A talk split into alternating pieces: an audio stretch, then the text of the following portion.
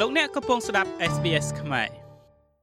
រៀងរាល់2ឆ្នាំម្ដងក្រុមប្រឹក្សាចម្រុះជាតិសាសន៍អូស្ត្រាលីបោះផ្សាយនៅសន្ទុះនៃការរាប់បញ្ចូលនៅកន្លែងធ្វើការ Inclusion at Work Index ជាការសិក្សាមួយដែលគូបង្ហាញនៅការរាប់បញ្ចូលនិងការបៀតបៀនព្រមទាំងការរើសអើងនៅទូទាំងកន្លែងធ្វើការនៅក្នុងប្រទេសអូស្ត្រាលីរបាយការណ៍សន្ទុះបន្ទាប់នឹងត្រូវចេញផ្សាយនៅក្នុងខែធ្នូឆ្នាំនេះ ប៉ុន្តែតើអ្វីទៅជាការរើសអើងនៅកន្លែងធ្វើការការរើសអើងដោយខុសច្បាប់នៅកន្លែងធ្វើការកើតមានឡើងនៅពេលដែលនយោជកចាត់វិធានការអវិជ្ជមានទៅលើបុគ្គលម្នាក់ដោយសារតែបុគ្គលិកលក្ខណៈជាក់លាក់របស់បុគ្គលនោះ ដូចជាពូជសាសន៍អាយុទំនោរផ្លូវភេទការមានផ្ទៃពោះឬសាសនា វាអាចរាប់បញ្ចូលទាំងបុគ្គលិកពេញម៉ោង បុគ្គលិកក្រៅម៉ោងបុគ្គលិកបណ្ដែតបុគ្គលិកសាកល្បង អ្នកវឹកហាត់ការងារសិក្ខាកាម និងបុគ្គលដែលធ្វើការនៅក្នុងអំឡុងពេលកំណត់ណាមួយលោក Patrick Turneris ជាអ្នកជំនាញជាន់ខ្ពស់ដែលមានឯកទេសខាងច្បាប់ការងារនិងឧស្សាហកម្មនៅ Morris Blackburn Lawyers ដែលមានមូលដ្ឋាននៅទីក្រុង Brisbane លោកមានប្រសាសន៍ថាសកម្មភាពអវិជ្ជមានឬ adverse action គឺជាភាសាផ្លូវច្បាប់ ដែលអាចសំដៅដល់សកម្មភាពមួយចំនួន ដូចជាការបណ្ដេញនរណាម្នាក់ចេញពីការងារបង្ករបួសស្នាមនៅក្នុងពេលបំពេញការងាររបស់ពួកគេ និងផ្លាស់ប្ដូរគោលជំហររបស់ពួកគេចំពោះការរើសអើងដែលខុសច្បាប់ប្រសិនបើត្រូវធ្វើឡើងដោយហេតុផលជាក់លាក់ណាមួយ For example reducing someone's pay ឧទាហរណ៍ការកាត់បន្ថយប្រាក់បៀវត្សរបស់នរណាម្នាក់ ការទម្លាក់តំណែងនរណាម្នាក់ការចេញលិខិតព្រមានដល់ពួកគេ ទង្វើទាំងអស់នោះអាចនឹងធ្វើឲ្យនរណាម្នាក់រងរបួសនៅក្នុងការងាររបស់ពួកគេឬក៏ផ្លាស់ប្ដូរមុខតំណែងរបស់ពួកគេ ចំពោះការប្រកាន់ពូជសាសន៍វារួមបញ្ចូលទាំងការរើសអើងរវាងបុគ្គលិកសកម្មភាពអវិជ្ជមានក៏អាចរួមបញ្ចូលទាំងការគំរាមធ្វើសកម្មភាពអវិជ្ជមានផងដែរ កញ្ញា Megan Papa គឺជាមេធាវីជាន់ខ្ពស់នៅឯ Anderson Gray Lawyers ដែលមានមូលដ្ឋាននៅទីក្រុង Sydney មានប្រសាសន៍ថាមានច្បាប់សហព័ន្ធថ្នាក់រដ្ឋនិងដែនដីនៅក្នុងប្រទេសអូស្ត្រាលីដើម្បីការពារប្រជាជនពីការរើសអើងនិងការបៀតបៀន unlawful discrimination in the workplaces when a person ការរើសអើងដោយខុសច្បាប់នៅកន្លែងធ្វើការគឺនៅពេលដែលមនុស្សម្នាក់ចូលចិត្តបុគ្គលិកម្នាក់តិចជាងបុគ្គលិកម្នាក់ផ្សេងទៀតដោយសារតែពួកគេមានចរិតលក្ខណៈជាក់លាក់ដូចជាភេទពូជសាសន៍ពិការភាពឬអាយុកញ្ញាប៉ាប៉ានិយាយទៀតថាស្ថានភាពរបស់មនុស្សម្នាក់ម្នាក់ត្រូវមើលទៅតាមករណីនីមួយៗដើម្បីកំណត់ថាតើការរើសអើងនោះត្រូវឬក៏ខុសច្បាប់ an example of a discrimination ឧទាហរណ៍មួយនៃការរើសអើងគឺនៅពេលដែលបុគ្គលម្នាក់តម្រូវឲ្យនយោជកគោរពទៅតាមតម្រូវការឬក៏លក្ខខណ្ឌដែលពួកគេមិនអាចអនុវត្តតាមបានដោយសារតែពូជសាសន៍អាយុភេទឬក៏ពិការភាពហើយតម្រូវការលក្ខខណ្ឌនោះមានឬក៏ទំនងជាមានផលប៉ះពាល់ឬក៏មានគុណវិបត្តិដល់បុគ្គលិកនោះអាចថាជានរណាម្នាក់ដែលមានកូននៅក្នុងបន្ទុក ដូច្នេះពួកគេប្រហែលជាត្រូវទៅយកកូនរបស់ពួកគេចេញពីសាលារៀនឬក៏ពីកន្លែងមើលថែទាំកុមារដូច្នេះហើយអ្វីដែលពួកគេត្រូវធ្វើគឺពួកគេត្រូវមានការសម្របសម្រួលដែលសមហេតុសមផលមួយចំនួន ដែលត្រូវបានធ្វើឡើងនៅក្នុងគោលបំណងដើម្បីអនុញ្ញាតឲ្យបុគ្គលនោះអាចទៅយកកូនរបស់ពួកគេចេញពីការមើលថែទាំនៅពេលថ្ងៃឬក៏ពីសាលារៀនបានកញ្ញាផាផាផ្ដល់នៅឧទាហរណ៍មួយដែលនយោជកអាចថាមានការរើសអើង a condition or a requirement that លក្ខខណ្ឌឬក៏តម្រូវការមួយដែលនយោជកអាចដាក់លើនយោជិកគឺពួកគេអាចតម្រូវឲ្យនយោជិកនោះធ្វើការពេញម៉ោងរបស់ពួកគេដូច្នេះជាជាងបញ្ចប់នៅម៉ោង2កន្លះរសៀលដែលពួកគេអាចទៅទទួលកូននៅម៉ោង3រសៀលបាននោះពួកគេអាចថាតម្រូវឲ្យគេធ្វើការរហូតដល់ម៉ោង5ល្ងាចឬក៏តម្រូវឲ្យពួកគេធ្វើការថែមម៉ោងទៀតផង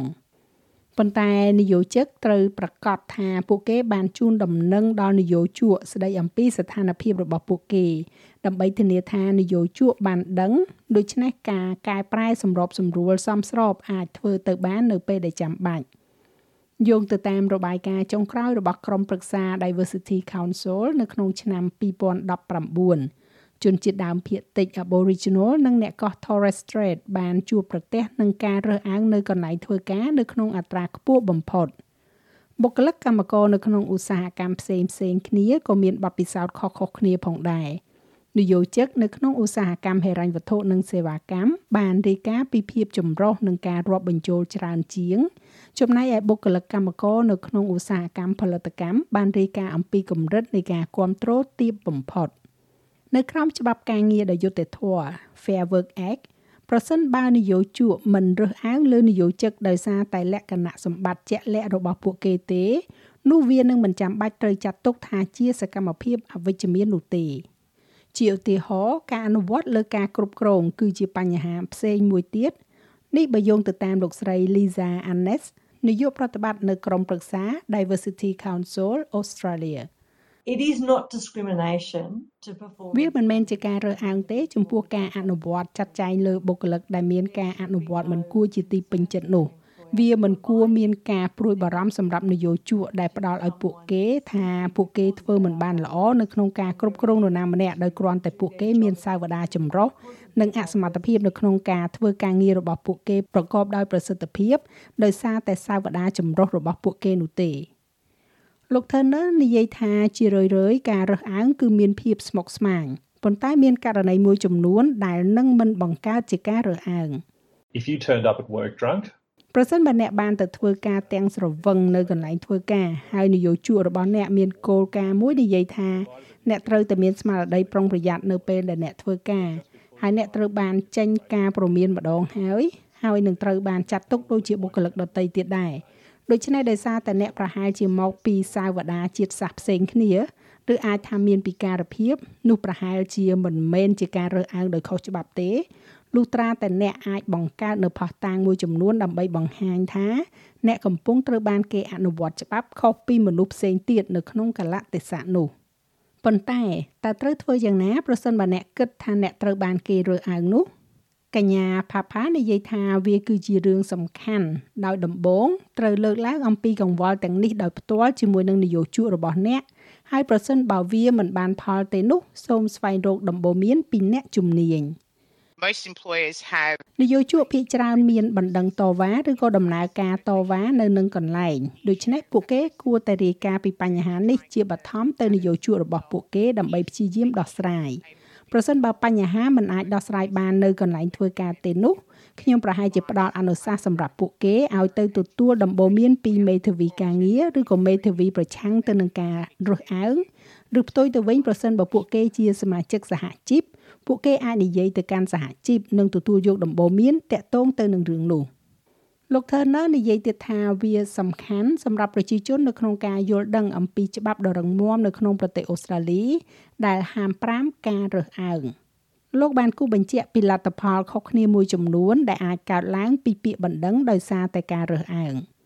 in some cases, you might be reinstated. So នៅក្នុងករណីខ្លះអ្នកអាចនឹងត្រូវបានតែងតាំងឡើងវិញដូច្នេះអ្នកអាចនឹងដាក់ឲ្យត្រឡប់ទៅក្នុងទូនាទីការងារដែលអ្នកកំពុងអនុវត្ត អ្នកអាចនឹងទទួលបាននៅសំណងដែលអាចជាសំណងសម្រាប់ការបាត់បង់ផលប្រយោជន៍សេដ្ឋកិច្ចឧទាហរណ៍ជាការបាត់បង់ប្រាក់ចំណូលប្រសិនបើអ្នកបាត់បង់ការងារហើយមិនអាចត្រឡប់វិញបានទេនោះអ្នកក៏អាចទទួលបាននៅសំណងសម្រាប់របួសស្នាមណាមួយដែលអ្នកបានរងទុក្ខនិងទុក្ខព្រួយនិងភាពអាម៉ាស់ដែលពាក់ព័ន្ធដូច្នេះវាស្ដីអំពីរបៀបដែលវាបានធ្វើឲ្យប៉ះពាល់ដល់អារម្មណ៍របស់អ្នក មានរឿងផ្សេងផ្សេងទៀតដែលតុលាការនិងសាលាក្តីអាចបញ្ជាបាន នៅក្នុងករណីខ្លះពួកគេអាចនឹងដាក់ពិន័យលើនយោជកពួកគេក៏អាចបញ្ជាឲ្យមានការសុំទោសឬក៏ពួកគេអាចដាក់បញ្ជាឲ្យនយោជកធ្វើការណែនាំការបណ្ដោះបណ្ដាលនៅកន្លែងធ្វើការ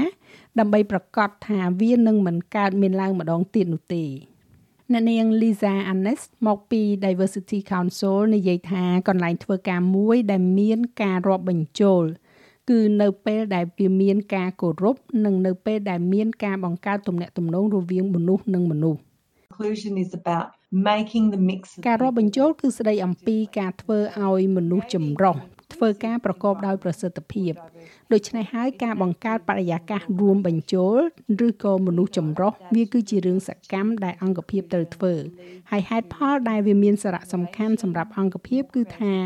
ជាងដឹងថាភាពចម្រុះនឹងការរួមបញ្ចូលនាំឆ្ពោះទៅកាន់ការបង្កើតថ្មីដ៏ប្រសើរឡើង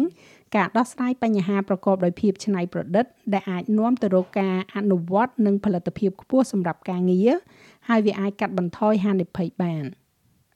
សម្រាប់ព័ត៌មានបន្ថែមឬក៏ជំនួយគាំទ្រសូមចូលទៅកាន់ Fair Work Ombudsman ដែលមានគេហទំព័រ www.fairwork.gov.au ឬក៏តាក់ទងទៅកាន់ Fair Work Info Line ដែលមានលេខទូរស័ព្ទ13 13 94ប្រសិនបើអ្នកត្រូវការជំនួយបកប្រែភាសាសូមទូរស័ព្ទទៅកាន់សេវាកម្មបកប្រែភាសាថ្នាក់ជាតិដែលមានលេខ13 14 50 ចាស់ហើយរបាយការណ៍នេះចងក្រងឡើងដោយ Chiara Pazano និងប្រាយសម្រួលសម្រាប់ការផ្សាយរបស់ SPS ខ្មែរដោយនាងខ្ញុំហៃសុផារ៉ានី